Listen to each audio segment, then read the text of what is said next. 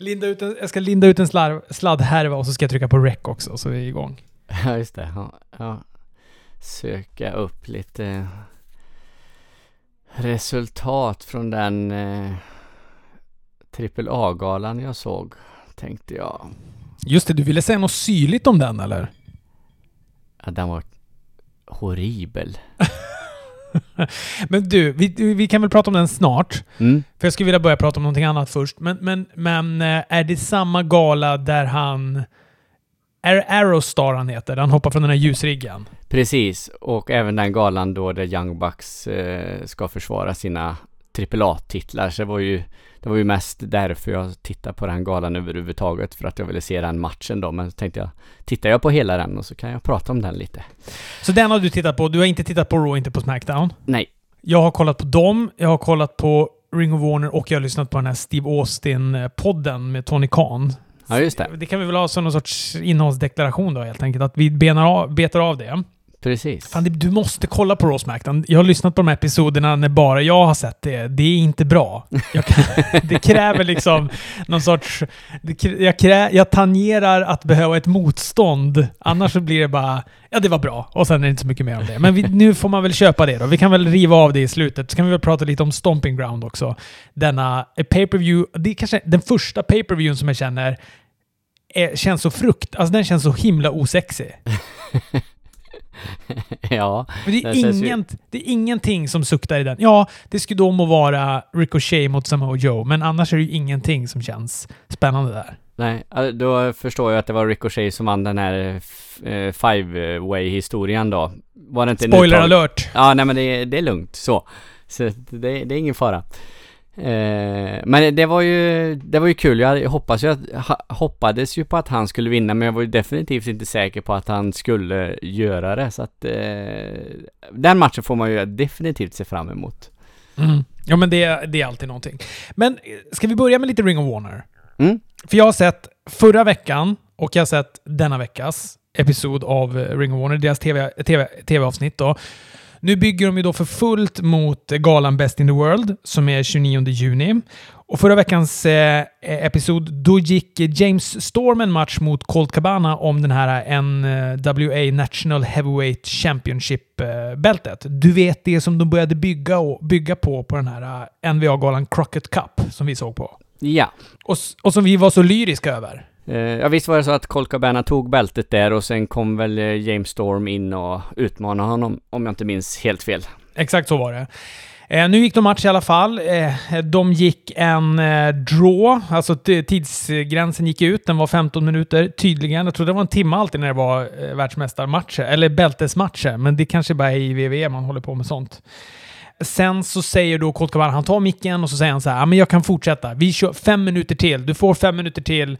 Och eh, då kommer eh, Briscoes in och då överfaller Colt Cabana istället. Och James Storm, han bara lämnar, eh, lämnar ringen. För de är ju förbannade då. Briscoes är ju förbannade på NVA och då Nick... Äh, eller de är förbannade på NVA och Nick Aldis, han sitter ju där och är kommentator då i, i kommentarsbordet. Han vänder sig till honom och snackar skit om NVA och sånt där. Eh, och Nick Aldis eh, blir ju då förbannad så han springer in och så blir det gruff. Och så eh, det här Storm Cabana-upplägget, det liksom skjuts lite på sidan bara. Så blir nu det, det nya upplägget då, blir då Briscoes mot eh, Colt Cabana och Nick Aldis istället. Och de ska du köra då på Best in the World eh, 29 juni. 29 juni är ju eh, packad med pay-per-views, måste jag ju säga. Alltså vi har ju både den här, Ring of Warner då Best in the World. New Japan har ju också en gala då. Uh, Southern Showdown och så är ju också eh, Fighterfest här med AEW. Nu ligger de på lite olika tider. Jag tror att det blir väl 29 juni för oss. Uh, fast Fighterfest hamnar väl tror jag, på söndagen, så den blir väl egentligen 30 juni och sådär. Så att man, man, man kan nog ändå lyckas se alla de här. Natten mot lördagen är väl Ring of Warner.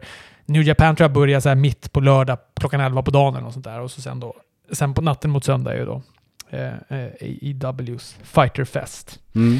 Men, ja, men jag, den här, vad heter den nu, Best in the World här, den, jag ser fram emot den. Det är mycket bra matcher på den. Jeff Cobb mot Matt Taven om titeln, bland annat.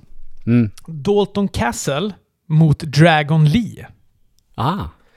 Och Det är för att Dragon Lee är då alltså lillebror till Rouge, vilket jag inte visste. Ah, okej. Och hela upplägget bygger där då bara på att, eh, ja men du vet, Rouge slaktade ju eh, Dalton Castle på, till min förtvivlan, på Madison Square Garden när vi såg det matchen. Så nu ska han ge igen, men han ska ge igen på hans lillebrorsa Dragon Lee istället. då. På lill- lillebrorsan, han vågar. Lite fegis, men ja. Och för att också göra en till koppling då till, eh, till Madison Square Garden. Det är att eh, The Allure gick sin eh, första match. Alltså du vet de som var kända som The Beautiful People i Impact. De kom ju in på G1 Supercard.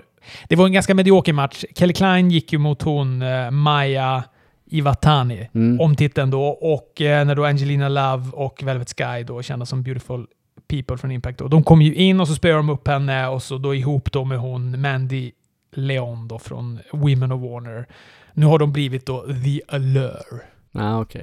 Och nu skulle de då gå sin första match på den här veckans då Ring of Warner eh, mot Kelly Klein och Jenny Roos. Men eh, ja, de hoppade på dem bakifrån och, och slog dem och sådär. Så, så det, blev, det resulterade i att det inte då, det blev ingen match utan istället då så blev det en match på på pay per view Jag har inte jättehöga förväntningar på den matchen i och för sig. Men jag tycker att det är spännande att nu börjar du vet, de här grejerna som, man, som har hängt lite frågande från eh, Madison Square Garden och, och, och från NWA där. Nu börjar liksom det speglas i Ring of Warners eh, tv-tapings.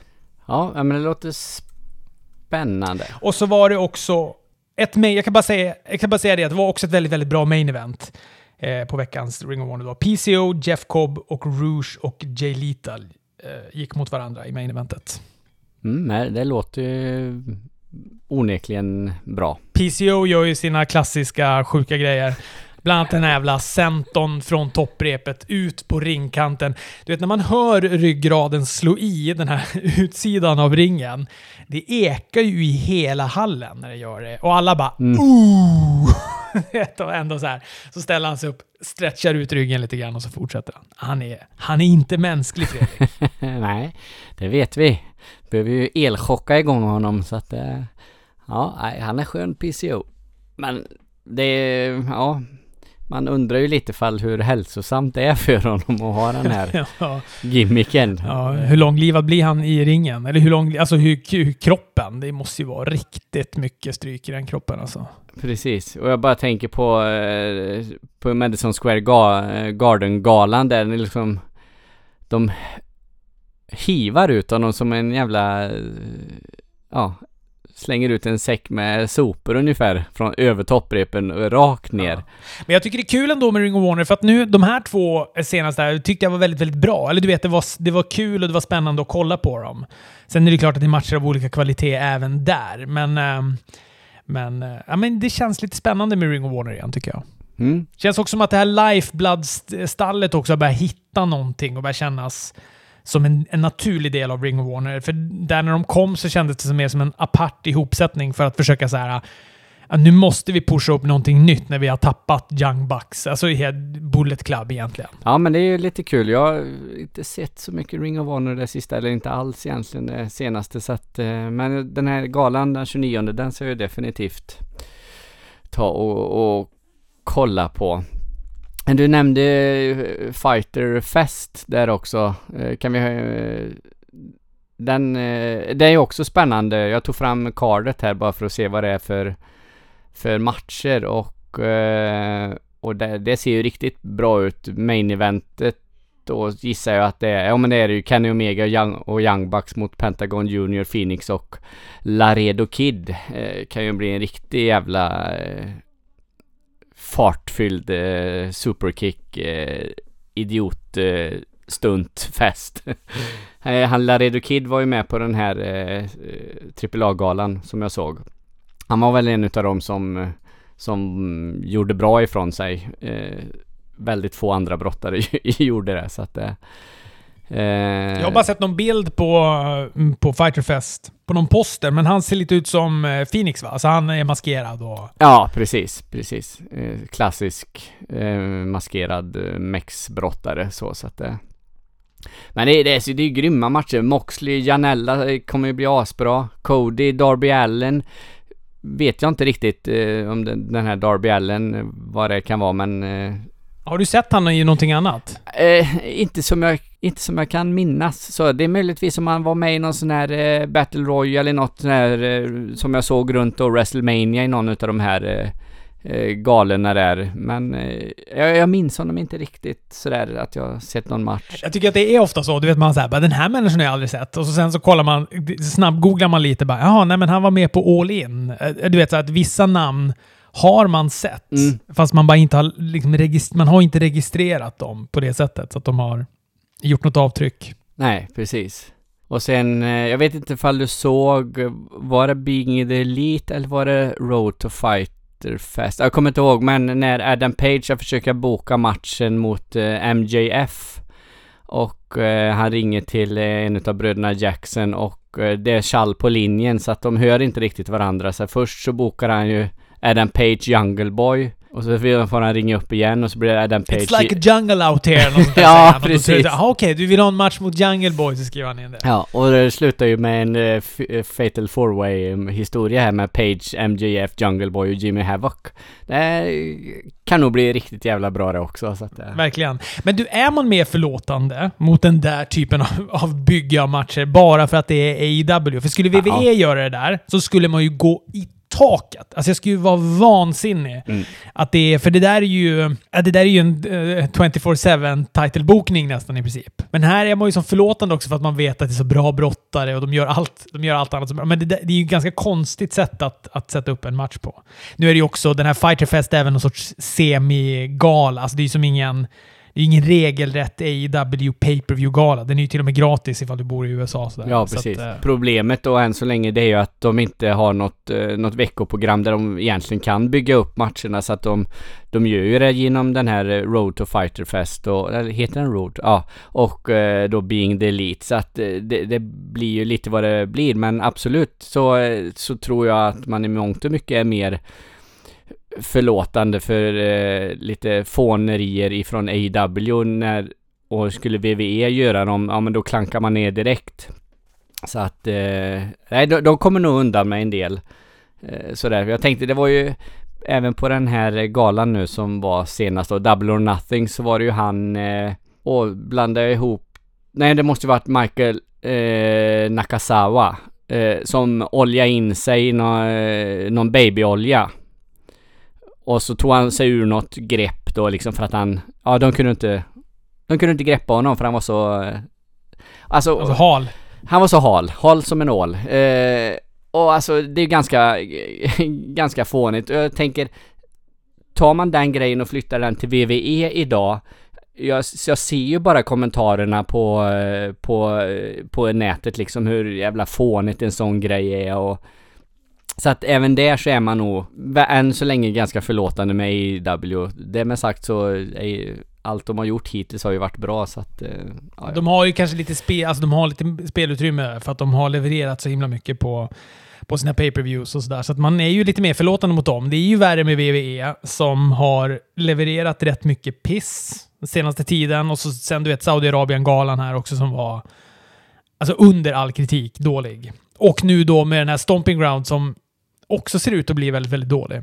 Mm. Det är väl vissa matcher som sagt därpå som, som eh, möjligen kommer gaska upp den lite grann, men nej, blaskig. Ja, nej men alltså, det eller eh, vilken förutom Samoa Joe och Ricochet eh, tycker du verkar bra där då? För annars är det ju bara matcher som vi har sett. Roman, Drew McIntyre, Mm. känns ju helt meningslös. Eh, jag är inte jättesugen på Becky Lynch, Lacey Evans heller om jag ska vara helt ärlig. Nej, jag tänker väl Bailey, Alexa Bliss skulle säkert kunna bli bra. Mm. Jag eh, tänker också att men Kevin Owens, Sami Zayn mot New Day, det är klart det kommer väl kanske också bli, men man har ju sett det. Alltså ur den aspekten som du menar på att det inte är något nytt och fräscht. Ja, det skulle väl vara Heavy Machinery då mot eh, Daniel Bryan och Eric Rowan. Mm. Den då i sådana fall. Ja, vi får se ifall de kan eh, överraska oss med Stomping Ground. Eh, tveksamt, men vi får väl tro det. Vill du att jag river av Raw och Smackdown och så får du prata AAA sen eller? Eh, ja, men gör så. Eh, riv av dem. Jag tycker att det var, och nu blir det ju som vanligt då, eh, jag bara ju ner, nedslag i det som jag tycker är värt att nämna när det gäller Raw Smackdown. Vill man eh, höra någon gå igenom alla de här, då får man lyssna på andra poddar. Eh, jag tycker att det var, med det sagt så tycker jag att det var ett ganska bra Raw faktiskt. Mm. Och, eh, eller Ribban är ju låg eftersom tidigare Raw har varit ganska dåliga.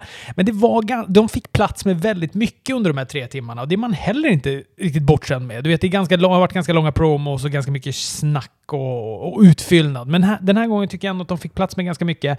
Som jag också satt så här och kände ja men det här ser jag lite fram emot. Alltså de erbjöd eh, Seth Rollins mot Daniel Bryan i main eventet. Mm och det var en bra match. Eh, en fourway då om, eh, som gör upp då om att bli motståndare till Samoa Joe och US-titeln. Kevin och Sammy show. Alltså inte en Kevin Owens show, utan en Kevin and Sammy show. Det satt man ju på nålar efter och längtade. Ja, men du vet, Becky Lynch skulle konfrontera Lacey Evans och sådär. Så det, det fanns ändå grejer som jag satt så här, ja men det här blir spännande. Det här ska bli spännande att se och det. Och ähm, ja, men den här fourwayen då mellan Ricochet, Bobby Lashley och Miss och Braun Strowman då. Om att bli motståndare till Samoa Joe, den eh, tycker jag var ganska bra. Det, det är ju som vanligt när det är Bobby Lashley och Braun Strowman med. Det blir ju inte riktigt bra. nej, nej det, är, det är något med de två som gör att det drar ner i, i kvalitet. En grej, det var att Ricochet pinnade Braun Strowman men han fick inte göra det själv. Det hade ju varit klädsamt att låta honom få den statusen att han lyckas ändå pinna Braun Strowman. Eh, men det gör han inte, utan han gör... Jag kommer inte ihåg om han gör sin eh, skruv där och landar på honom. Och sen så lägger sig Bobby Lashley och Cesaro över eh, Ricochet. Så att, så att, du vet, så att det blir så många som ligger på så att han kan inte... Han kan omöjligt kicka ut ändå, Braun Strowman. Okej, okay, och det får Ricochet får vinsten på detta. Ja, precis. Ricochet är det så. För att jag tror att både Cesaro och, eh, och Bobby Lashley är redan uträknade i det läget. Aha. Okay. Braun Strowman har, tror jag, räknat ut dem i det läget. Så de är ut, egentligen eliminerade ur matchen. Ja, ja, det var en... Men eftersom det är en four-way så upphör ju typ alla lagar och sånt där nu helt plötsligt i WWE. Mm. Och så, så då ligger de där över och så räknar de ut han. Och sen är det då Ricochet och The Miss kvar då i slutet. Och de går väl en helt okej... Eh, okay, några helt okej okay minuter i alla fall. Ricochet gör ju det alltid bra, så att han kan ju ändå få The Miss att se ganska bra ut. Ja, men och så, och så vinner Ricochet då till slut och eh, blir motståndare till Samoa Joe. Och det var vi inne på tidigare. Det är väl det man mest ser fram emot då när det gäller. Det kan ju bli en riktigt, riktigt bra match. Om de nu får tiden på sig och om den prioriteras. Men någonting i mig säger att det inte... Att det månne inte blir så. Nej, det är väl eh, typ, de resonerar väl så att det är Roman Reigns och Drew McIntyre som ska ha 25 minuter och så en US-titel är inte värd så mycket. Så att. Eh, men du sa Fatal 4-Way, var de inte fem stycken snubbar inne? Nu ska vi se. Ja, de var Ricochet, Bobby Lashley, Miss, Braun Strowman. Jo, just det. Och Cesaro också ja. Fem var de ja. Ja, så att vi inte får några arga lyssnare efter Du har oss. inte ens sett det, ändå så måste du... måste jag rätta dig? måste du rätta mig. Ja, det är underbart. Ja. Jag tycker Drew McIntyre gör också en ganska trovärdig... Han är, alltså han, Drew McIntyre är ju bra. Det har vi ju konstaterat tidigare. Men han, jag tycker att han också är trovärdig. Det är ett segment där han spör upp Heath Slater riktigt, riktigt rejält. Heath, eh, Shane McMahon har någon sorts champagneparty där bak med Revival och, eh, och eh, Drew McIntyre. Och så kommer Heath Slater in och han vill ha mer. Han ber om löneförhöjning. För att han har ju barn. Mm. Och... Eh, ja, men du vet. Shane McMahon säger att... Eh, ja, tyvärr, vi kan inte lösa det. Så får han gå ut och så typ nickar han åt Drew McIntyre och säger ta hand om det där. Och så när han går ut och så, så spöar då Heath eller Drew McIntyre då upp Heath Slater. Och han gör, det, han gör det väldigt trovärdigt. Han är ju bra på att se elak ut på, så att man köper att han spöar upp honom. Jag tycker det är den stora skillnaden med Seth Rollins har någon sorts turné nu med sin stol som han nitade Brock Lesnar med i, i Saudiarabien. Den mm. höll han ju på med i förra Raw också. Och nu håller han på med hela det här Rawt och hela Smackdownet också. Jag tycker det är otroligt tröttsamt. Och det är ju något med Seth Rollins som gör att jag inte tycker att han... Alltså han blir liksom inte trovärdig på den positionen han är. För mig är inte han en Universal Champion. Nej. Och han håller på med den här stolen, han spöar upp alla. Han ska spöa upp alla då som är i närheten av eh, och ens samtala med Baron Corbin. För Baron Corbin ska ju nu utnämna, och det också pågår hela det här råt då. Baron Corbin ska nämna, eh, utse då vem som är the special guest referee på deras match då under Stomping Ground. Och fick vi något svar? Eh, nej, nej, givetvis inte. Nej. Givetvis inte. Det börjar väl typ med att, eh, att Elias sitter... Och det är också lite konstigt, för Elias tror jag till och med säger att han är Han tar av sig kläderna, visar att så här, han har så här domardräkt på sig och säger så här, ah, men jag kommer bli, vara the special guest referee. Och så kommer eh, Seth Rollins då och spöar upp honom. Och då är han inte special guest referee längre, för då är det som att det bara pågår det där. Då är det någon annan som ska vara det. Folk står inne och... Eric Young har liksom stått, gått och pratat med Baron Corbin och kommer gående och Seth Rollins börjar spöa på honom med en stol och sådär. Mm. Uh, ett, jag ska bara säga det innan jag lämnar Drew McIntyre-segmentet här, för det var det som jag tyckte var så roligt. Det är inte bara att han spöar på honom och han ser trovärdig ut, utan han uh, börjar med att liksom ta upp någon så här sedelbunt och ska så här, ge Hitslater lite stålar, och så tappar han dem, och så när då Hitslater ska böjas upp böja sig ner för att plocka upp dem, det är då drar han in han i, i, med huvudet i väggen och sådär. då kommer Revival ut efteråt också och tar de här pengarna och stoppar dem i egen ficka, vilket jag tycker känns roligt. Ja ja, det är spännande hur de använder Revival. också ett gåshudsmoment i det här råt är att eh, eh, helt plötsligt kommer AJ, eh, får man säga AJ Styles, som är skadad och inte har visats på ganska länge.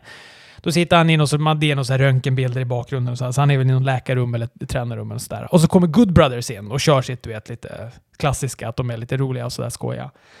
Varav han då är så här... Eh, Ja, men du vet, han säger något i stil med att ni har blivit bekväma, ni tjänar för mycket pengar, ni är inte hungriga på wrestling längre. När, när, var, när, när var ni på Raw eller på Smackdown senast? Eller framförallt, när vann ni ens en match senast? Typ, ni måste tillbaka till ert gamla jag och sådär. Mm. Och då, du vet, tänder de till lite grann och jag säger ja, vi ska visa det. Vi ska, nu ska vi gå ut och spöa uh, Usos då, för de, de ska gå en match då mellan, mellan Usos. Och vet, då blir man ju lite så här, eh, eftersom man gärna vill se ett stall mellan dem, så väcker det ju ändå en liten förhoppning att de ska göra någonting mellan Good Brothers och AJ Styles då, att, de ska, att han ska liksom piska tillbaka dem till någon sorts Bullet Club-tid och kanske ingå i ett stall med dem. Det hade varit eh, kul. Mm. Nu är väl för sig de på väg ut, så att, eh, eller de har väl inte förlängt sitt kontrakt, vad jag vet. Så risken är väl inte stor. Eller å andra sidan kanske risken är stor, för jag menar se på Revival som inte heller har förlängt sitt kontrakt. Nu är de Tag Team Champs och hänger med Shane McMahon och är så här högprofilerade igen. Du vet, det blir den här Dean Ambrose-problematiken som jag pratat om flera gånger. Då, nu kanske är plötsligt då eh, Good Brothers eh, blir superprofilerade och värsta Bullet Club då med AJ Styles och sådär. Ja, ja precis. Men sen det, det, som vi pratar om, eller det som du pratar om nu med liksom de här stallen och eh, hintar hit och dit på liksom ett, ett Bullet Club eller någonting med Baller. Finn Baller eh, har ju varit inblandad i det också förut. Det har ju vi pratat om i Ja, ända sedan både AJ Styles och Finn Balor kom egentligen och... Eh, men, men det hintas med jämna mellanrum om det, men det blir liksom aldrig det blir aldrig någon, någonting av det. Och varför det inte blir det, eller det, det kan jag inte svara på. Är det liksom för att de bara vill tisa publiken för att liksom hålla spänningen uppe? Eller är det för att de tänker att vi ska göra någonting men sen kommer det en massa andra grejer emellan och eh, saker och ting rinner ut i sanden lite. Det, det är svårt att, svårt att veta för jag tycker liksom det är, det är inte första gången det har varit lite småtis om detta. Ett, ett eh, Bullet Club i någon konstellation. Nej, nej, det har du faktiskt väldigt rätt i. Men, men jag tycker också att det var någonting med det här som gjorde att det fick lite eh, extra mycket utrymme. Det var inte bara att de mötte upp varandra och sa åh vad kul sen senast, eller gjorde den här eh, too sweet-handgesten och sådär. Utan det var som att det fanns lite det låg lite mer bakom det. Men å andra sidan, du vet hela den här grejen med Vince McMahon, han lappade till honom och de här. De, det, det följdes aldrig upp med AJ Styles. Man bara, jaha vad spännande, vart kommer det här leda? Och så bara, jaha, nej det... nästa vecka var det som att det aldrig hade hänt. Och det kan ju mycket väl vara så på, på nästa Raw också. Ja, precis. Men eh, ja, det vore ju spännande. Alltså stall överhuvudtaget vore lite spännande. Det, I VVE, det, det finns ju egentligen inga, eller om man inte då räknar New Day som det då, men de är mer ett, ett tag team fast de är, är tre liksom, så jag räknar inte dem som ett stall riktigt heller, utan man vill ju ha tillbaks det där eh, som det var då. Ja. Du, apropå det då, så var det också... Jo, men Kevin Owens och Sami Zayn skulle ha en Kevin and Sammy show. Det var väldigt, väldigt roligt för det börjar med att Kevin Owens också är, är bestörtad över att han Eh, eh, jag menar, du vet, han har varit på, eh, varit på produktionen att beställa nya skyltar där det står Kevin and Sammy Show och, och här, ny grafik, nya tv-apparater och sådana saker. Men, har inte, men, men det har de inte lyckats vaska fram. Och då skriker han “Thanks a lot Bob!” Jag vet inte om det är någon kanske där i, i, i bakgrunden som, som har hand om sådana saker. Men det var väldigt, väldigt kul i alla fall. De eh, har ju då Baron Corbin. Baron Corbin pratar ytterligare igen här då om den här domaren som då fortfarande inte har blivit avslöjad trots att det har varit typ fyra brottare så här långt med domardräkter och sagt att de ska vara domare. De har ju blivit spöade med eh, Seth Rollins stol. Det är väl någonting med det där då att helt plötsligt så kan de inte återhämta sig på sex dagar eller vad fan det nu är fram till pay-per-viewen ifall man har blivit slagen av Seth Rollins stol. Jag vet inte. Det är som Tors hammare. Det han gör då, eh, Baron Corbin, som för en sekund får mig att tro så här, nu, nu kommer pushen. Nu jävlar kommer pushen. Det är att han säger att eh, eller ja, han tänker två grejer. Först han tänker så här, aha, nu är det One, Two, Three Kid som kommer tillbaka. För att han säger så här, äh, det är klart vi ska, den, vem är mest lämpad att vara domare än en som har tre i sitt namn? Och då tänker jag, okej, okay, nu är det One, Two, Three Kid då. Men då är det givetvis EC3 han presenterar, som kommer in i domardräkt. Men eh, det dröjer inte länge innan Seth Rollins kommer och spöar upp honom med en stol. Han ligger livlös. New Day kommer in, och släpar upp honom. Alltså, släpar upp hans livlösa kropp. För att de behöver ju ha en, en, eh, någon med auktoritet som kan säga som kan godkänna, som kan sanktionera en match mellan New Day, Baron Corbin, Kevin Owens och Sami Zayn. Och eh, så då tar de upp hans, hans livlösa kropp och du vet så här eh, jag tror, eh, vad heter han, eh, jag vet inte om det är Big E eller Kofi Kingston som står och liksom låtsas vara i röst. Samtidigt som de du vet, åker upp och ner med hans huvud som om att han pratar. Och så det, är, det är ganska komiskt. Jag skrattar någon gång i alla fall. Och så blir det match av det och EC3 eh, EC3 ser man ingenting mer eller har ingenting mer med det segmentet att göra. Så att, så att den pushen, den blev ingenting av. Nej, stackars, stackars EC3. Eh, Alltså för mig kvittar det ju egentligen, jag är inget fan utav honom så men jag, jag kan ju liksom ändå tycka att Fan vad meningslöst att komma till NXT som och knappt få vara i NXT och bygga upp sin karaktär och sen bara ryckas rätt upp till main roster. Och Eh, ja, vad gör jag, vad får man göra nu? Jag har lite komiska segment med R-Truth liksom så att, eh, och inget illa, absolut inget illa om R-Truth. Han är ju svinrolig. Eh, och han vill ju se hur mycket som helst men alltså det är ju Ja, det är sorgligt och EC3 är inte den enda brottaren som detta som blir drabbad utav ett, eh, en sån behandling tyvärr så att nej, tragiskt.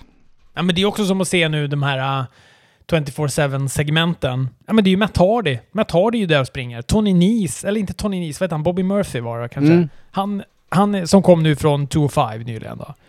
Ja, han är där och springer. Ja, precis. Det är ju jävla märkligt. Alltså han är, är champ i 205 live, förlorar den då efter WrestleMania där, eh, eller förlorar den på WrestleMania? Ja, skitsamma. Tony Nese tar titeln. Ja, på WrestleMania. Eller eh, pre-showen. Precis. Och sen, eh, just det, de hade en, en, en rematch där sen. Eh, eh, men i alla fall, och sen går det ett litet tag så liksom presenteras han ju som ett stort namn som kommer då till, till main roster och går över från Tour 5 live. Och sen har vi inte sett skymten av honom förrän han kommer springande efter eh, R-Truth i, i den här 24-7 eh, titeln. Alltså snacka om att slösa mm, med talang för han är ju svinbra brottare. Ja, de pratade om det där med, på Wrestling Observer med Chad Gable, huruvida det var ett, ett, eh, ett uppköp eller ett nedköp av honom på 205. Och då eh, menade typ Dave, Dave Meltzer då att, att, att det är ett nedköp för att det är ju ändå ingen som tittar på 205. Men eh, medan Brian Alvarez säger att fast det, han, där får han ju i alla fall brottas och får ju ändå tv-tid. Annars mm. så springer han ju bara runt och jagar 24-7-titeln. Nu hade ju han ändå en, en, han hade ju ändå ett program med, ehm, med Bobby Roode och, och, och, och, där var han ju ändå... Ja, han är ju också där och springer. Ja, precis. Det är ju ytterligare en. Ah, fy fan. Han paketerar dem om och liksom, eh, han odlar en mustasch och kallar sig Robert Roode igen och liksom, det känns som, ja men nu är det en nytändning för honom. Men i helvete heller, utan då får han också springa där. Ja, Så är det. Jag såg förresten den matchen, vi pratade ju om den förra gången, jag hade ju inte hunnit se den då, som när, när eh, vad heter han, Jack Gallagher, heter han så va? Mm. Och eh, Chad Gable då går den här matchen på 2-5 när det blir en count-out utan att det är meningen att det ska bli en count-out. Alltså Gallagher hinner inte in i ringen. Han ska du vet hinna in i sista sekund, men han... Oh, jag vet inte, hade man skarvat det så hade man ju kunnat köpa att han var inne, men... men eh, ja, men domaren, du vet, alla domare är väl livrädda nu som den här incidenten med Ronda Rousey där domaren räknar ut henne trots att att eh, skulderna var, inte var i mattan och, och, du vet, fick sparken. Så nu bara kör de by the book. Det spelar, det spelar fan ingen roll. Om de vet att matchen inte ska ta slut där, de kör by the book nu för att det, alla är rädda rädd om sitt jobb. Möjligen. Mm. Nej, men så att han, eh, han räknar ut honom och eh, man ser ju hur besvikna de blir. Framförallt Chad Gable. Han kan ju inte han kan ju de kan, han kan inte spela med överhuvudtaget. Han, han vill ta micken och så fortsätta matchen och då ser man domaren säga nej, nej, nej. Alltså, nu, nu får ni bara... Nu, nu blev det så här och det här är också ett avslut. Nu får vi bara gå vidare med det. Men uh, han är riktigt, riktigt besviken. Och de kanske hade sparat, du vet, sin repertoar till slutet, skulle göra de feta grejerna och sådär. Chad Gable är väl glad att han får brottas en match som är längre än två och en halv minut också. Så att, mm. så att uh, ja, det kanske hade med det att göra också. Men de, det lär väl mynna ut i en returmatch. Så att, eh, och den ser man fram emot att se. För det var, jag tyckte det var riktigt bra. Det var en bra match. Mm. Det låter ju som att ändå att det var ett hyggligt, eh, hyggligt Raw den här veckan. Ja, men jag tycker det. Jag, jag, tycker att det här var ett ganska... Jag har läst recensioner om det, att folk är lite bland, alltså, Det är blandade reaktioner. Att de, men, men jag tycker att det här var... Jag tycker att det var en klar förbättring. Och som, som jag sa i början, du vet när de började presentera vissa grejer så var jag så här... Ja, men det där vill jag se. Ja, men det där ser jag fram emot att se. Det där ser jag fram emot att se. Precis som de ska göra för att man ska hålla sig kvar och orka se hela rået. Mm. Ja, men det var en klar förbättring. Och Smackdown var inte... Det var inte dåligt det heller på något sätt. De hade också sina upp, ups and downs. Eh, Seth Rollins var tillbaka med sin stol. det var... Ja, jag vet inte. Jag vet att du gillar Seth Rollins, men... Ja, det är bara att jag inte tycker han, han... Det är som att han platsar inte. Du vet, när, när Daniel Bryan var champ så längtade jag efter att få se Daniel Bryan. ah, det ska bli kul och det ska bli... ah, nu kommer Daniel Bryan in. ah, nu höjer jag upp tvn lite grann. Eller nu fokuserar jag lite extra. Eller nu ska det bli spännande att höra vad han säger. Han ska hålla en promo. Men det är något med Seth Rollins som bara inte blir trovärdigt. Jag tycker inte att han är så himla bra på promos. Jag tycker att det här stolgigget är skitfånigt. Det känns inte trovärdigt när han spöar upp folk med stolar.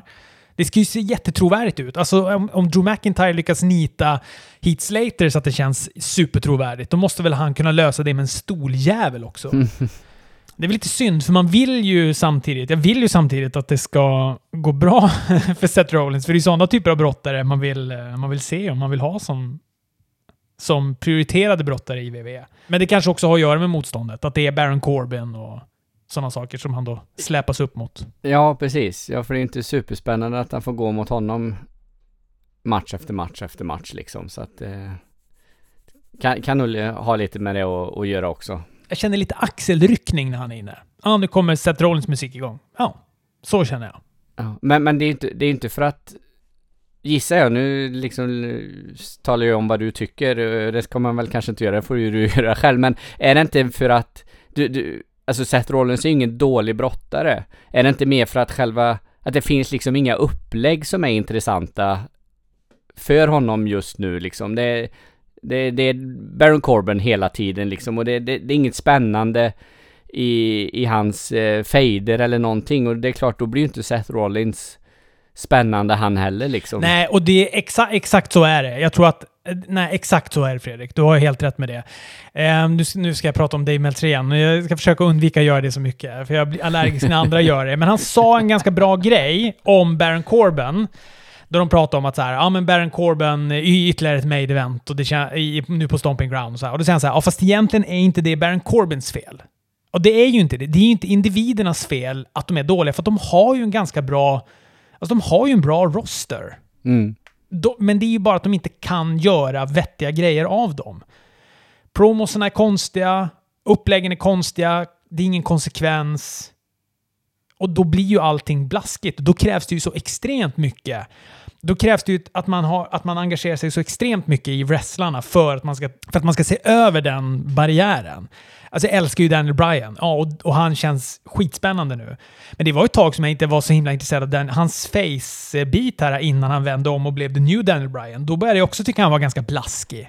Men, men det är lite det som vi var inne på förut med de här fånerigrejerna som vi är förlåtande i AEW. Det hade vi ju varit i WWE också om, om allting annat runt omkring också hade varit super bra, då, då kan, och eh, alltså det, för mig, för min del, det får gärna vara lite fånerier och lite buskis och lite, det ska vara lite komik, man ska skratta eh, när man liksom sitter och tittar på det också. Det, det ska definitivt finnas de grejerna. Eh, det är jag absolut för och jag kan nog skratta åt fånigare saker än, än, än många andra så. Men när liksom hela produkten inte liksom lever upp till det som man förväntar sig och det som man vill. Alltså fort det blir en en grej då, Seth Rollins stol till exempel som inte du är all, alls pepp på nu. Den kanske du hade varit pepp på om om liksom det hade varit en eh, mycket intressantare storyline runt Seth Rollins med någon intressantare brottare än Baron Corbin. Och att övrig WWE-produkt också hade liksom varit superintressant om man verkligen satte sig ner för att ah, nu ska jag titta på eh, tre timmar Raw här och man bara ser fram emot det. Så att det, det, jag tror det är sådana grejer som spelar in också liksom. Har vi pratat någonting om Alistair Blacks mm, ganska märkliga promos. Vi har väl sagt ungefär de orden som du säger nu, att de är väldigt, väldigt märkliga. Eh, och jag fattar ingenting av dem. Jag tyckte det, när han gjorde det första gången, då för hundra veckor sedan känns det som nu, så kändes det ju lite spännande att man liksom eh, fick se någon lite mörkare Alistair Black, en liten, eh, ja, en liten gåta liksom, eller ja, att han var som en liten, att han var en lite mystisk eller sådär. Men eh, nu, jag fattar inte vad han säger. Nu har inte jag sett denna veckans, men jag, jag, jag begriper inte vad han eh, pratar om. Det var, var det förra veckan han öppnade dörren och vrålade liksom? Ja. Kom in eller... Ja. Jag, jag fattar ingenting. Nej, jag vet. Det är så, om, om Bray Wyatt gör allting rätt är jag rädd att det här avbrottet och de här märkliga promoserna med Alistair Black kommer ligga honom i fatet. Mm. Vilket är, vilket är synd på en jävla topp 5-wrestlare alltså. Ja, precis. Och egentligen är det ju helt meningslöst för hade de gjort de här grejerna och så skulle de givetvis gjort dem bättre men innan han debuterade och brottades på, på main rosten då hade de ju liksom kunnat bygga upp det och då hade det varit lite spännande. Man de vet att det ska komma någon och liksom vad är han för en figur och allt detta.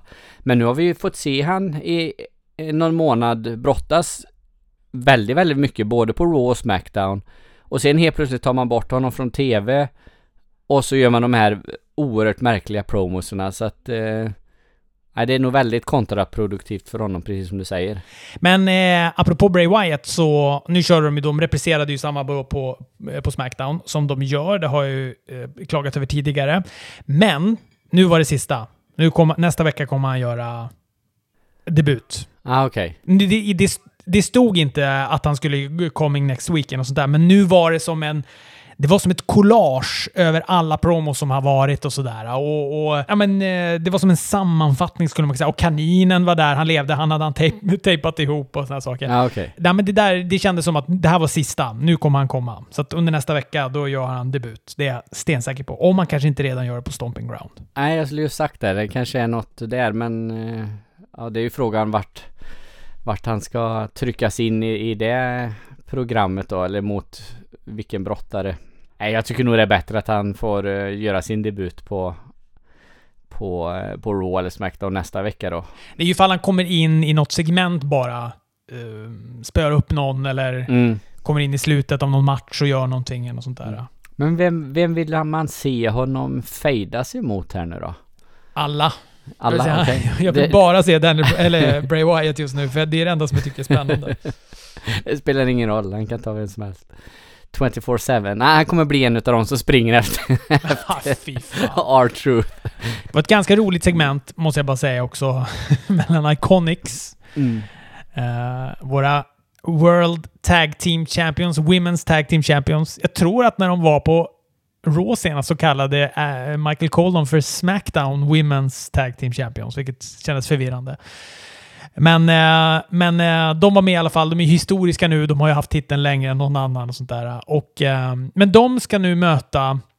Och det, jag, jag var tvungen att googla på det här flera gånger och lyssna om den här promon flera gånger. Ehm, um, Page var med. Gjorde sig rolig på deras bekostnad. Pr pratade som dem, vilket var kul. Och eh, sa då att hon hade fixat en match i Japan nästa vecka. VV ska ha house shows i Tokyo. Och då ska de gå en match, och då fattade det oss först som att de skulle gå en match om titlarna där. Men nu har jag då läst på efterhand att det verkar som att de går en match där, och om de vinner den, då får de en titelmatch. Ja, just det. Kabuki vi säger så, Kabuki Warriors. Kabuki Warriors, precis. Jag får anstränga mig så mycket. Jag lyssnar på en annan podd där de, ah, det är väldigt pubertalt, men de, där de säger fel hela tiden och säger ah. eh, Bukaki Warriors. Vad va, va skönt att, eh, jag, att du sa det, för jag har tänkt den tanken. Ska man dra en sån jävla idiotgrej och kalla dem Bukaki Warriors? Men... det är pubertalt, men det kan ja. det väl få vara ibland också. Ja. Det var, ja, det var pubertalt. Detta om detta, Fredrik. Ja, men det är kul att eh, det känns som det händer någonting med den där eh, eh, Smackdown-titeln på damsidan och framförallt att vi då får se Kabuki Warriors. De har vi ju heller inte sett. De också sådär presenterades ganska med lite, eh, ja men ganska mycket med pompa och ståt där och Page var manager och allting och man kände att ja, nu jädrar. Men sen försvann de också. De har ju inte knappt varit med på något Raw eller Smackdown sen, sen dess. Så att, eh, ja, det är ju kul. Bra. Vill du prata om Stone Cold podcasten? Ja, men vi kan avsluta med den. Jag kan dock, eh, jag kan, ska jag, har du sett NXT eller? Nej. Nej, men jag kan väl bara dra lite snabbt att eh, det var också väldigt, väldigt bra. Det var kul att se eh, Undisputed Era som vanligt. Nu är ju Adam Cole champ. Kryddar ju extra till dem. De hade en bra promo, blev avbruten av eh, Velveteen Dream och Bro, Matt Ridley och uh, Tyler Breeze. Riddle heter han va? Inte Ridley. Matt Ridley, ja. Jag satt här och hade det på tungan att jag skulle rätta det men... jag kände samtidigt som jag sa det att det var någonting som känns fel. eh, vilket då resulterade också i en match då som blev, som blev, eh, som blev main eventet.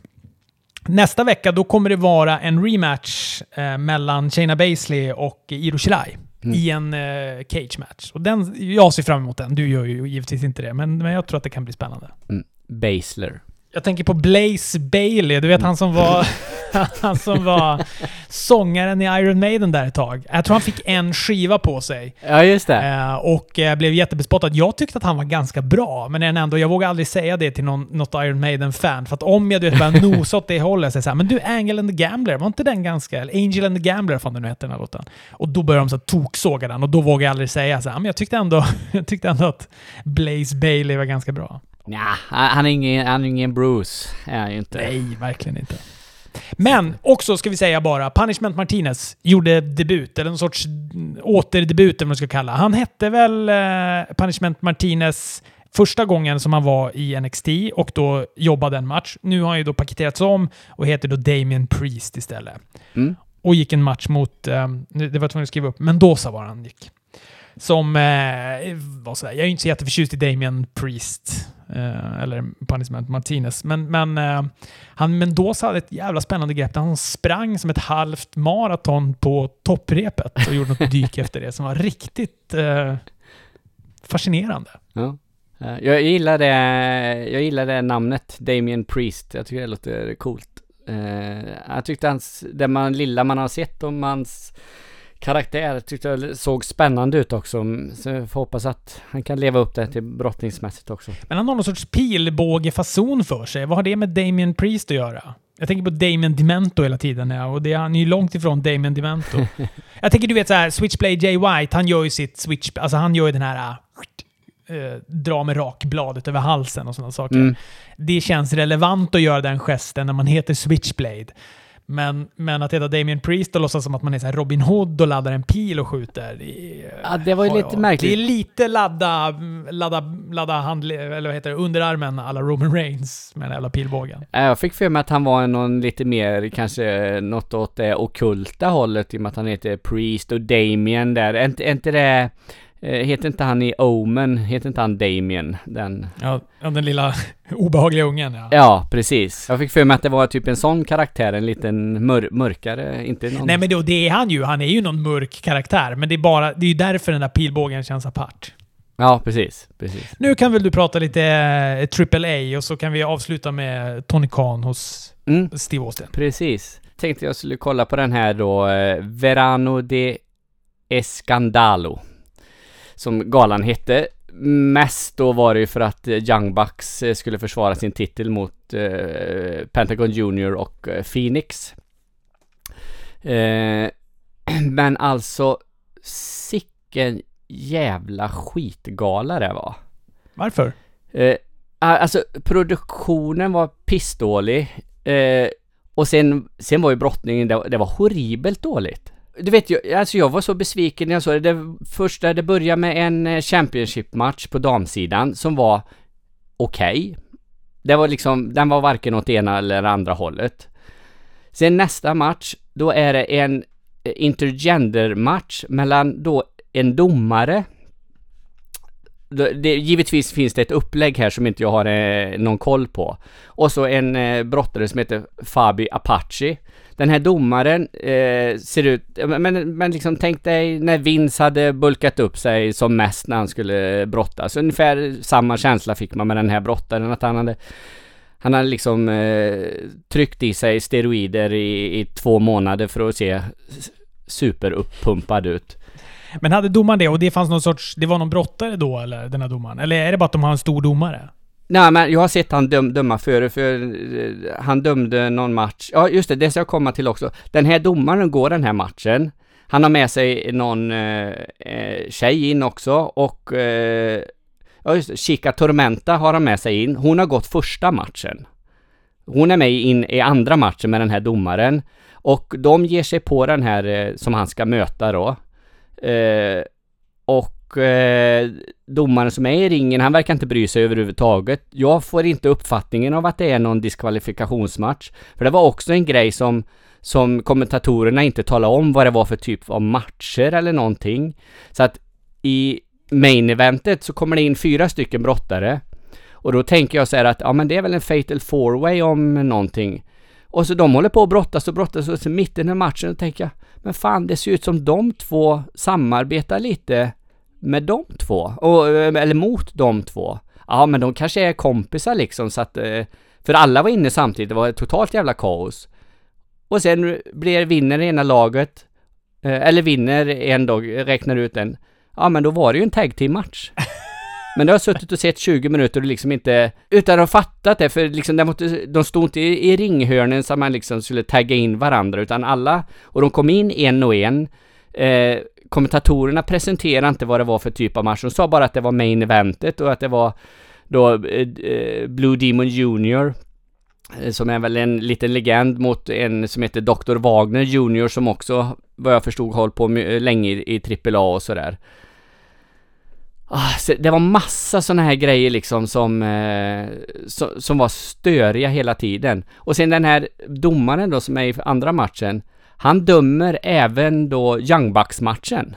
Vilket också kändes sådär, ja, det, alltså det kanske inte spelar någon roll i och för sig, men det kändes ändå jättemärkligt att, att han kommer in där när han har gått en match och haft ett upplägg och allt vad det nu var innan. Så att det, nej, men alltså dålig brottning, fånig brottning. Det var mycket det här fåneriet. Vi hade en sån här eh, peta i rumpan historia som vi pratade om förra veckan när det var New Japan. Det var en sån grej här. Usch då. Och i, och i vissa utav matcherna då, eh, vilken var det då? Ja, det spelar egentligen ingen roll. Eh, men då var det så här att det tog jättelång tid innan de gjorde någonting. Det var mycket prat, mycket agerande mot publiken och liksom eh, ja, trashtalka varandra. Så gjorde de någon liten grej och sen helt plötsligt på någon cue då antagligen. Ja men här, här ska vi ha ett spot. Och så gjorde de någon rätt häftig grej. Men sen var det liksom slut med det och sen var det det här långsamma, hände ingenting, de bara stod och pratade, de puttade ut varandra och sen här så har vi ett spot igen. Och så gjorde de en häftig grej igen. Så att det, det blir ju ingen wrestling utav det, det blir ju liksom... Nej, Jag ska inte gå igenom varje match för det och, och så här, för det, det blir nog tråkigt att, att lyssna på men jag var jättebesviken när jag så hade sett denna galan. Eh, Taya Valkyrie och Tessa Blanchard eh, går en eh, tag team match, en intergender tag team. Eh, och då är det den här Laredo Kid och Taya i ett lag, Daga och Tessa Blanchard i ett lag. Den var också helt okej okay match men jag hade högre förväntningar eh, på den.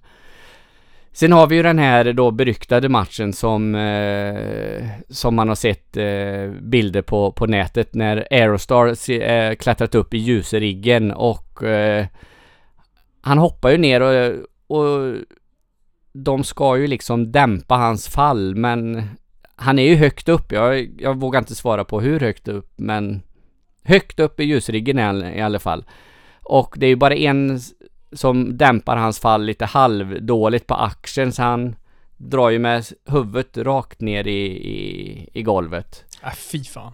Ja, precis. Nej men eh, det ser, eh, det ser ju riktigt illa ut. Men jag, jag förstod som att han hade, att han var okej okay efter det. De, de, de kom ju in där med läkare och, eller ja, folk runt omkring och hämtade en bår, så de bar ju ut han på bår liksom. Så att det var inte så att han gick ut för egen maskin och det var inget, det var ingen workbår direkt. Som, utan det var ju, det var the real deal. Han avbröt alltså efter det där? Han var inte med heller någonting med? Ja, nej, nej, nej, nej, nej. Han, han låg eh, där och de var ju framme direkt hos honom och, och pratade med honom och, och sådär. Och sen tog det en liten stund och man ser ju på brottarna runt, runt omkring liksom att de eh, eh, jag tror det är Killer Cross som står eh, precis intill när det händer och man ser ju här liksom hur paniken i hans ögon. Så att eh, Ja Men alltså se, eh, sen var det ett gäng andra matcher och det, det, det var samma grej men alltså det, det är bra brottare. Jag har sett en del av de här förut. Det är en som heter Icho del Vikingo som är någon vikingkaraktär. Eh, väldigt spektakulär highflyer och, och sådär. Men det var samma där. Det händer ingenting, det händer ingenting, det händer ingenting och så här kör vi ett spot. Och sen, det händer ingenting, det händer ingenting och sen igen. Så alla matcher var uppbyggda så, så att det var... Och sen var det, sen var det vissa brottare som var rent av usla, alltså det, det var en bortsfest som, som hette duga alltså. Massa grejer. Eh, det var en, fan hette han, Chessman hette han, han såg ut som eh, en, eh, en, fe, en fet Kane ungefär. Eh, så, och då är ju Kane inte så liten heller. Han, han, han, fick tala om för någon i ringen så liksom, men kom igen nu, nu ska vi göra det här. Och så gjorde de den grejen, fast då missade han i alla fall liksom. Och då har ändå han stått och vrålat i ringen på honom, för man ser det supertydligt. Att det är liksom, det är dags vi ska göra det nu. Så att det, det var massa sådana grejer. Men sen hade de en, en karaktär, de, de har ju ett gäng clowner. Eh, Pagano heter en, Psycho Clown heter en annan, men vad heter den som jag tänkte på då? Eh, Monster Clown. Han såg precis ut som Bray Wyatts karaktär. Ja men det, för det har ju valsat runt någon sån eh, bild eh, på någon independent wrestler som säger så här uh, Bray Wyatt har snott min karaktär rakt av och så är det så att bilder på, eh, på dem båda. Och det är ju väldigt, väldigt likt de två. Mm. Men han var med alltså och wrestlades den där? Ja, ja, han, gick, det, han var med i den här Aerostar-matchen eh, då. Ganska usel brottade det också. Men det, det, det reagerade direkt på liksom att han, att han påminner väldigt mycket om, om Bray Wyatts karaktär med den här monsterclown-masken, munnen då liksom och så även li det lilla man har sett utav Bray Wyatts kläder. Ja men liksom så man tänker sig en en cirkusdirektör ser ut med lite clownmask och ja. Det känns ju inte så jävla superunikt med en skräck, eh, skräckclown, men, men eh, Alltså, är det en plagiering eller, eller kan det vara ett sammanträffande? Jag, jag vet inte, och jag vet inte ens fall den här eh, Monster Clown är den som man har sett eh, Fall det är den independent wrestlern det pratas om, det vet inte jag. Det var bara att jag reagerade när han kom in, att han såg ut precis som Bray Wyatt. Så att, och det är som du säger, alltså clowner i alla dess former har ju funnits jämt liksom i, i, i olika sammanhang. Fall det är wrestling eller fall det är cirkus eller fall det är teater liksom. De, de ser ju ut på ett visst sätt så att det så alltså att de liknar varandra det är ju inte, det är ju inte konstigt egentligen.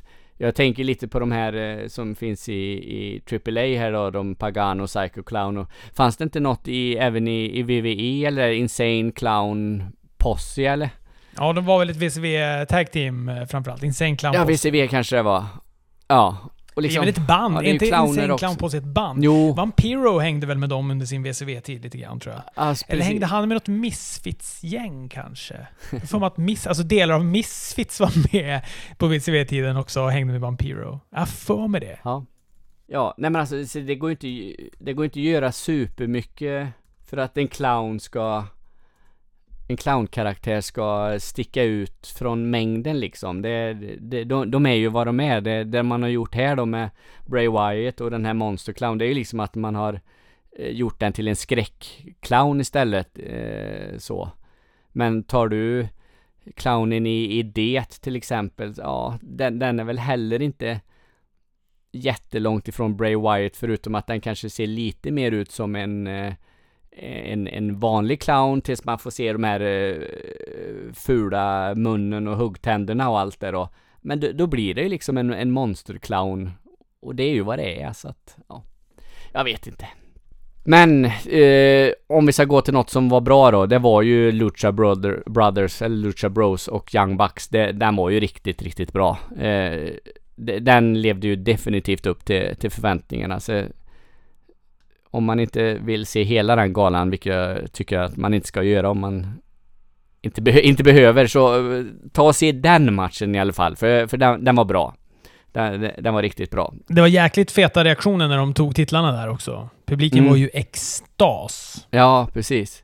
Jag tror att det var Phoenix som gjorde någon sån här suicide dive genom repen ut på en av Jackson-bröderna. Och han har lite för mycket fart med sig så att han, han bara flyger över kravallstaketet och rätt in i, i publiken så att, eh, ja.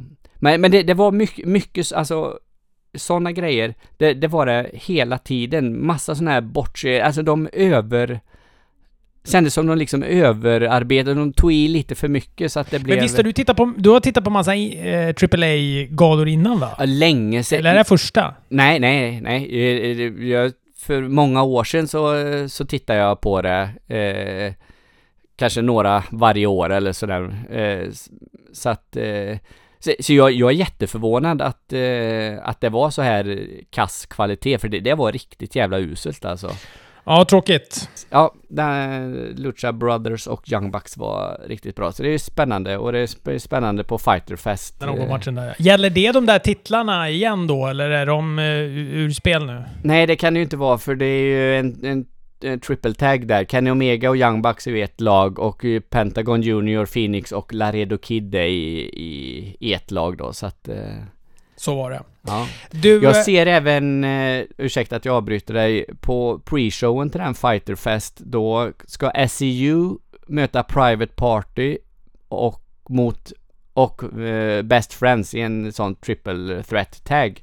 Och eh, vinnaren går vidare till All Out for a shot at the first round by in AEW World Tag Team Championship Tournament. Just det.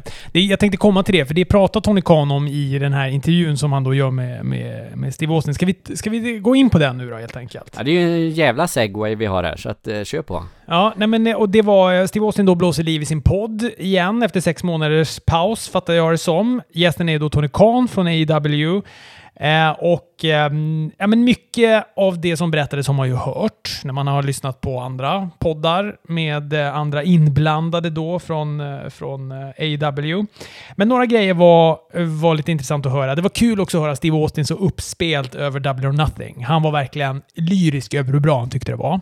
Och eh, det de sa då som var nytt var eh, bland annat då att det kommer bli två timmar tv-show på TNT. Han kunde inte avslöja några dagar eller när det börjar och sånt där.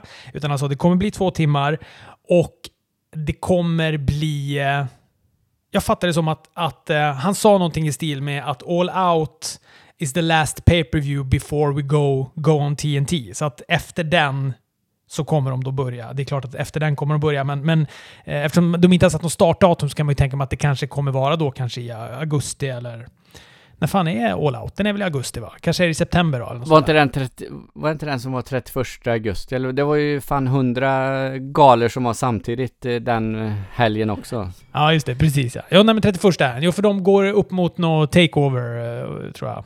Om det är UK, takeover UK eller något sånt där. Ja, precis. Och så även New Japan-galan som är i England det var ju samma dag också. Eh, han pratade också om, om att, jo men precis det du säger då, att de då kommer också att inleda med en stor tag team-turnering då när deras eh, tv-program sätter igång. Precis som, som du var inne på där. Så det blir ju spännande. Så då får de ju egna tag team-titlar då också. Och så läste jag här nu precis innan vi började podda att de hade också gått ut med och sagt att eh, kvinnotiteln kommer att presenteras. Mm. Så det blir också spännande. Får de en titel där. Då har de alltså då världstiteln, världsmästartiteln och en tag team-titel och kvinnotiteln. Nej men det låter väl bra. Det räcker så höll jag på att säga. Eh, ka- kanske, kanske en titel till eh, som är under då världsmästar eh, titeln. Så, så En lite så upper mid-card-titel hade man velat ha där också som, som var med och skvalpa. Det hade, det hade känts bra. precis. Då är vi, då är vi på banan. Austin berättade också att han och Dean Ambrose, nu även då känd som John Moxley, har någon sorts historia ihop. Och det här kände jag inte till. Och det är kanske för att jag är dålig lyssnare av Steve Austins podd. Och framförallt att jag tror jag bara såg när Brock Lesnar var gäst när han körde den på WWE Network. Och då ska det då finnas en, en intervju där då, då Steve Austin intervjuar Dean Ambrose i sin podd då, när när den låg på WWE Network. Eh, som då ska ha varit eh, usel, enligt många. Och e- enligt Austin så fick den, eh, de fick liksom någon sorts dålig start och så hämtades inte och så blev den jätte, jättedålig. Och att den lades ner, lades ner då efter den här. Eller många, den, det var i alla fall sista avsnittet och många trodde att, den blev, att Austins podd blev cancellerad på VV Network för att den här blev så dålig. Men, men eh, Austin lovade dyrt och heligt i den här podden att, att alla hans obligations eh, var fullföljda efter den podden, så att det hade ändå inte blivit någonting mer då, i alla fall. Eh, så det var väl bara olyckligt att, att den blev så jävla dålig då. Men han berättade också att han haft sån ångest efter den här intervjun. Eh, och, och varje gång han liksom tänker på Dean Ambrose och sådär att ah, fan det där blev så jävla dåligt och han har inte pratat med Dean Ambrose någonting efter det och sånt. Och att han har mått jättedåligt över det och till slut då fick kontakt med någon som, som han berättade det här för också som sa men ring Dean Ambrose. Han bara ja men jag har inte hans nummer. Jag Bara, ja men jag har hans nummer. Och så fick han det och så ringde han och så hade han pratat i ja, så här, halvtimmar med Dean Ambrose. De hade pratat ut om allting och att det var no hard feelings och att det samtalet kändes, eh, kändes eh, jätte, jättebra. Så nu var han på på, på, nu, nu klingade Dean Ambrose namn inte, hade liksom inte samma faddsmak i munnen som, som det hade innan då, när han bara hade den här dåliga poddupplevelsen ihop med dem. Så att eh, nu var allt frid och fröjd. Så det var, men, men det var i princip det som, som, eh, som jag tog med mig efter att ha lyssnat på den. Sen var det det här klassiska, de berättar om eh, upprinnelsen och vad, vad de vill vara i paritet med VBE och sådana Ja. saker. Ja men den ska jag ta och lyssna på också. Det är spännande, alltså man fattar ju inte riktigt eh, vilka brottare som liksom är knutna till WWE och inte. Jag tänkte att Stone Cold Steve Austin var en sån brottare som som WWE liksom hade i, sitt koppel om man får säga så då. Jag tänker de plockar ju Undertaker från det här Starcast och eh, Kurtan och, och lite andra sådär. Eh, man trodde att, eh, jag hade fått för mig att eh, Steve Austin kanske också fanns i det gänget, att han inte hade så fria tyglar att göra vad han vill. Men det kanske han har, vilket ju är skönt. Ja, men alltså framförallt tror jag att det har med någon sorts lojalitet att göra. Du vet att man... Jag, jag, trodde, jag blev också lite... Aha, ska han vara där? När jag hörde att eh, Tony Khan då skulle vara med på den här Steve Austin-episoden. Mm. För att jag tänker att Steve Austin är en sån som har så mycket lojalitet till WWE, så av den anledningen då inte skulle göra en sån här intervju för att han vet att det här vill inte Wins att jag gör, även om jag inte har något kontrakt eller du vet sådana saker. Utan man bara, jag gör det bara inte av lojalitet till, till förbundet. Mm. Så, att, eh, så, och, och, så jag var också lite chockad över att, över att den här blev av. Fan, han verkar så jävla sympatisk den här Tony Khan. Han har så mycket respekt också för. Du vet, man är så van, kanske andra wrestlare är så buffliga och Mm. eh, ska prata om... Du vet, man lyssnar på Jericho ibland. Man vill ju bara säga så tagga ner nu Jericho. Du Mm. är bra. Vi vet att du är bra. Men du behöver liksom inte prata om att alla dina matcher är historiska och de bästa matcherna. Och, ja. Det, det, det är ett jantelagen i en får ju fan panikspel när man lyssnar på Jericho. men eh, Tony Khan är såhär, nu är han ingen wrestlare så därför, men du vet han är såhär “Oh, that's an excellent question Steve”. Uh, it's funny. Uh, men du vet, han är så himla snäll mot Steve Austin hela tiden och visar så mycket respekt. Och det är väl också för att han är ett sånt jäkla fan och man hör ju vilken koll han har. Steve Austin så här, jag tror att han säger någonting och så rättar Tony Khan honom och så säger han så här, ja ah, just det, så var det. Ja, fan du vet, jag har tagit så många, det är så mycket, så mycket wrestlingstål som har tagit det här huvudet så jag minns typ knappt vad jag gjorde förra veckan och sådana saker. Och Tony Khan kan namedroppa så här matcher, så här Steve Austins första matcher i WCW och sådana saker. Kanske är superpåläst bara inför den här podden för att han vill få sådana som mig att tro att han är världens super-wrestling-talang. Mm. Men han verkar ju ha varit ett stort wrestling-fan och mm. kommer, som, du vet, kommer från rätt rot och inte kommer som en, en affärsman som vill göra en business på wrestling, utan bara är så här, jag älskar wrestling. Åh, oh, kolla nu finns det tillfälle för mig att göra ett wrestlingförbund. Klart jag ska göra det, för jag har ju svin mycket pengar hos min pappa. Mm. Ja, en del har det gött. Det är ju tråkigt att, att avsluta, inte, eller avsluta poddar i, uh, i moll. Men ska vi prata lite om den här Lionheart? Ja, eh, det får du jättegärna göra. Jag bara såg att, eh, att eh, han hade gått bort. Jag vet inte hur och eh, jag vet inte supermycket om honom om jag ska vara helt ärlig. Jag trodde du gjorde det och det trodde även Fredrik Lindström som skriver mycket på wrestlingforumen på Facebook. För han hade skrivit en ganska fin text om det här såg jag igår precis innan jag skulle gå och lägga mig och sova då när, när nyheten kom. Ah, okay. Och, eh, och då frågade jag honom eh, jag frågade grejer om honom och då, då sa han väl, jag tror Fredrik har lite koll på honom och sådär, för att han eh, kollade på någon gala, jag tror att den hette Fear and Loading 9, 11 eller något sånt där. Mm. Ja, det är skitsamma i alla fall. Han berättade då om den här killen, Lionheart, som vars hela namn då är Adrian Lionheart McCullum. Mm, det stämmer nog. Han var då champ i det här förbundet som heter ICW. Ja, Insane Championship Wrestling i England.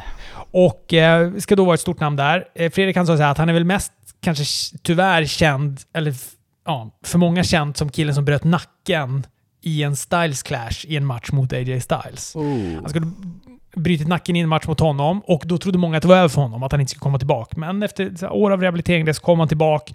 Det har gått bra för honom. Han var då deras champ. Han gick någon match för inte alls eh, så länge sedan också. Och sådär. Uh, och uh, han skrev också att som kuriosa bör nämnas att han har varit dansk champ och gick en match mot Nigel McGuinness om Ring of Honor-titeln 2008. Mm. Uh, nej men det är väldigt många som uttrycker sina sorger över att han har gått bort och, och det verkar ju som att det är eller det är väl klart att det är ett, eh, att det är ett självmord. Han verkar ha mått ganska dåligt. Han twittrade ju precis bara typ 13 timmar eller där innan som det hände att eh, något Ricky Gervais-citat eller sånt där om att Eh, det, det, kommer en dag då man typ äter sin sista måltid, man kramar sina vänner för sista gången och sådana saker. Ja, det är tragiskt är det verkligen. Och vad säger, vad säger man? Alltså jag vet aldrig vad man säger vid sådana här så, tillfällen. Rest in peace låter så jävla fjantigt så att eh, att säga men eh, ja, det, det, det är sorgligt och Eh... Ja, framförallt kanske man ska vara lyhörda när man hör att folk mår dåligt och sådär. för hela den där tweeten känns det som ett gigantiskt rop på hjälp. Mm. Man får ta hand om varandra och vara lyhörda med varandra där ute. Ja, Precis, precis. Hörrni, den här podden är ju eh, kanske inte världsklass, så det är fan du tar på dig Fredrik. För att när du är som sagt, när du inte har tittat på Raw Smackdown så blir jag inte bra, för jag har som ingen att studsa med. Det känns som att jag står och slår en boll mot en vägg gjord av eh, mjuk, väldigt mjuk plast, så den studsar inte tillbaka någonting. Men det är torsdag, du har inte hunnit se, du har ju ett livspussel och du har barn och såna grejer. Du har svårt att hinna klämma in wrestlingen när vi frångår vårt format och spelar in på fredagar. Precis. Det är ju midsommarafton imorgon fredags och, och det får jag ta på mig, för då, det kunde jag inte spela in på. Nej, och vi skulle egentligen spelat in i, redan igår, onsdag, så att eh ja, det hade ju inte blivit bättre om vi hade spelat in det i, i, igår. Det blir inte bättre om vi spelar in det idag. Men jag tar på mig detta. Jag ber om så hemskt mycket om ursäkt. Jag hoppas ändå att ni hade någon slags behållning av det här avsnittet och nästa vecka då ska jag ha jag ska ha sett både denna veckans Raw och Smackdown så att jag har med det. Jag ska ha sett Stomping Ground, jag ska ha sett nästa veckas Raw och Smackdown och eh, så får ni ett full, fullödigt eh, avsnitt nästa vecka istället. Nu packar vi ihop Fredrik. Mm, hej.